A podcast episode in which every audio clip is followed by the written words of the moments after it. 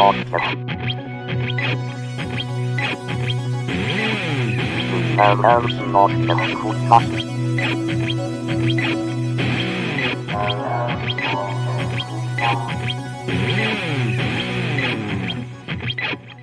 Det är Välkommen till ett nytt program från Smarttech Podcast. Jag heter Joakim Nemell. Den här gången hade jag tänkt att berätta om ett nytt hjälpmedel som kom ut under hösten som heter SpeakOut. SpeakOut är ett tillbehör till fickminnet Milestone 311 och är en så kallad RFID-etikettläsare.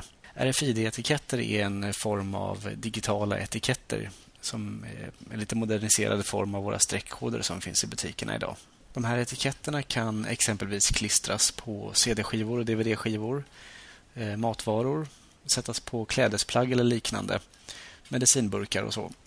Och med det här tillbehöret så kan man sedan spela in en röstetikett som är knuten till en viss etikett och sedan få den uppspelad när man håller läsaren mot etiketten. Själva läsaren ser ut som ett så kallat SD-minneskort som vi använder för att utöka minnet i Milestone 311 som fickminne. Men eh, eh, när man har stoppat i minneskortet så är det en eh, oval grej som sticker ut ur Milestone och täcker större delen av Milestones högra långsida. Och det är alltså själva läsaren. Det är viktigt att påpeka att det här är inget minneskort utan det är bara en läsare. Så själva minnet eh, använder man Milestones eget internminne. Etikett, e- etiketterna finns i lite olika former som jag tänkte berätta om i slutet på den här podden. Eh, men vill man då märka upp någonting så är det väldigt enkelt. Man eh, stoppar i den här RFID-läsaren i sitt Milestone 311 och får då ett pip som bekräftelse. Och nu kan man då med väljarknappen promenera runt i Milestones funktioner så kommer vi att höra att det har utökats med en extra funktion. Interna minnet. Externa minneskortet. MP3-spelaren. Speak out. Och här finns då Speak Out-programmet som har tillkommit när man stoppar i läsaren. Det här kräver version 3.1 av Milestone och det är också en fri uppgradering som finns för nedladdning.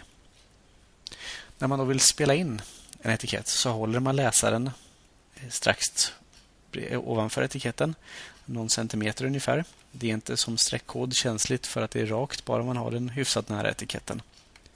Sen håller man in Milestones uppspelningsknapp New tag found. och då hör vi ett litet tickande ljud och sen rösten som säger New tag found. Och varför det här inte är översatt eh, till svenska vet jag inte riktigt, men det betyder i alla fall ny etikett funnen. Och nu kan jag använda Milestones inspelningsknapp för att spela in en röstetikett i den här etiketten. Laddare till Nokia mobiltelefon. Så, nu har jag sparat en ljudfil i Milestones minne som är knuten bara till den här unika etiketten som jag nu kan klistra på min laddare. Och jag kan gå vidare till nästa etikett och håller den alldeles invid och trycker på Milestones uppspelningsknapp för att hitta etiketten.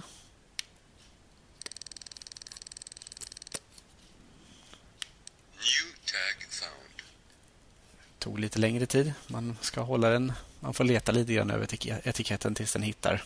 Och här så spelar jag in då eh, köttsoppa kokar i sju minuter. Så. Ja, och när de här etiketterna är klistrade på, på allt man vill märka upp och så när man då vill läsa av de här etiketterna så håller man läsaren på samma sätt nära etiketten och trycker på Milestones uppspelningsknapp så kommer det förhoppningsvis att läsa upp. Laddare till Nokia mobiltelefon. Precis. Och så håller jag den vid nästa etikett och trycker på uppspelningsknappen. Eh, Köttsoppa kokar i sju minuter. De här etiketterna är helt unika så det är ingen risk att man blandar ihop dem.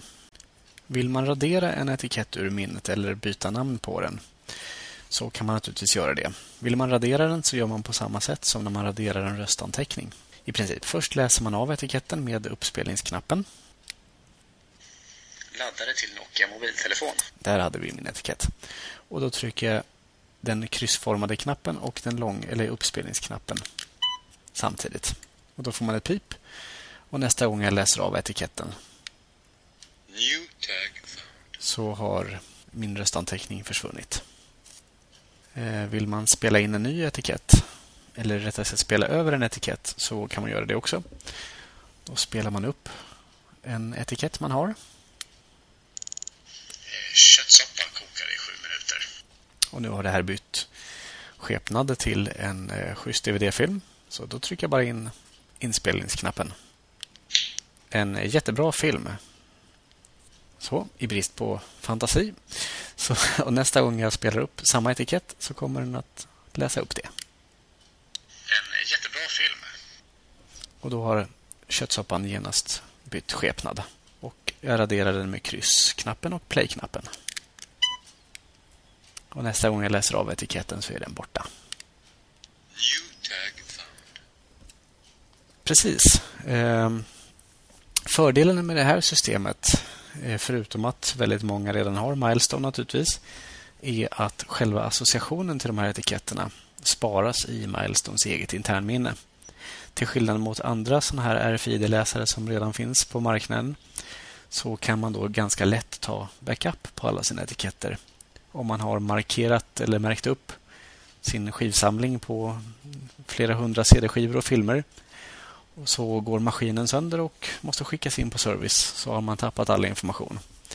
Men i det här fallet så sparas alla etiketter och ljudfiler i en mapp i Milestones interna minne. Och Då frågar man sig naturligtvis genast om platsen. Ja, de här korta etikettsnuttarna som jag har spelat in har tagit ungefär eh, mellan 15 och 20 kilobyte i eh, utrymme. Och Det är då naturligtvis Milestones MP3-format som den spelar in i. Och eftersom Milestone har ett begränsat minne på 30 megabyte så frågar man sig då genast hur många etiketter man får plats med. Ja, ponera att man bara har så här korta etiketter så får man plats med ungefär 1400 etiketter. Och desto längre man pratar, desto färre etiketter får man naturligtvis plats med. Och Använder man dessutom Milestones interna minne för röstanteckningar så krymper ju den här siffran naturligtvis i takt med att man spelar in anteckningar.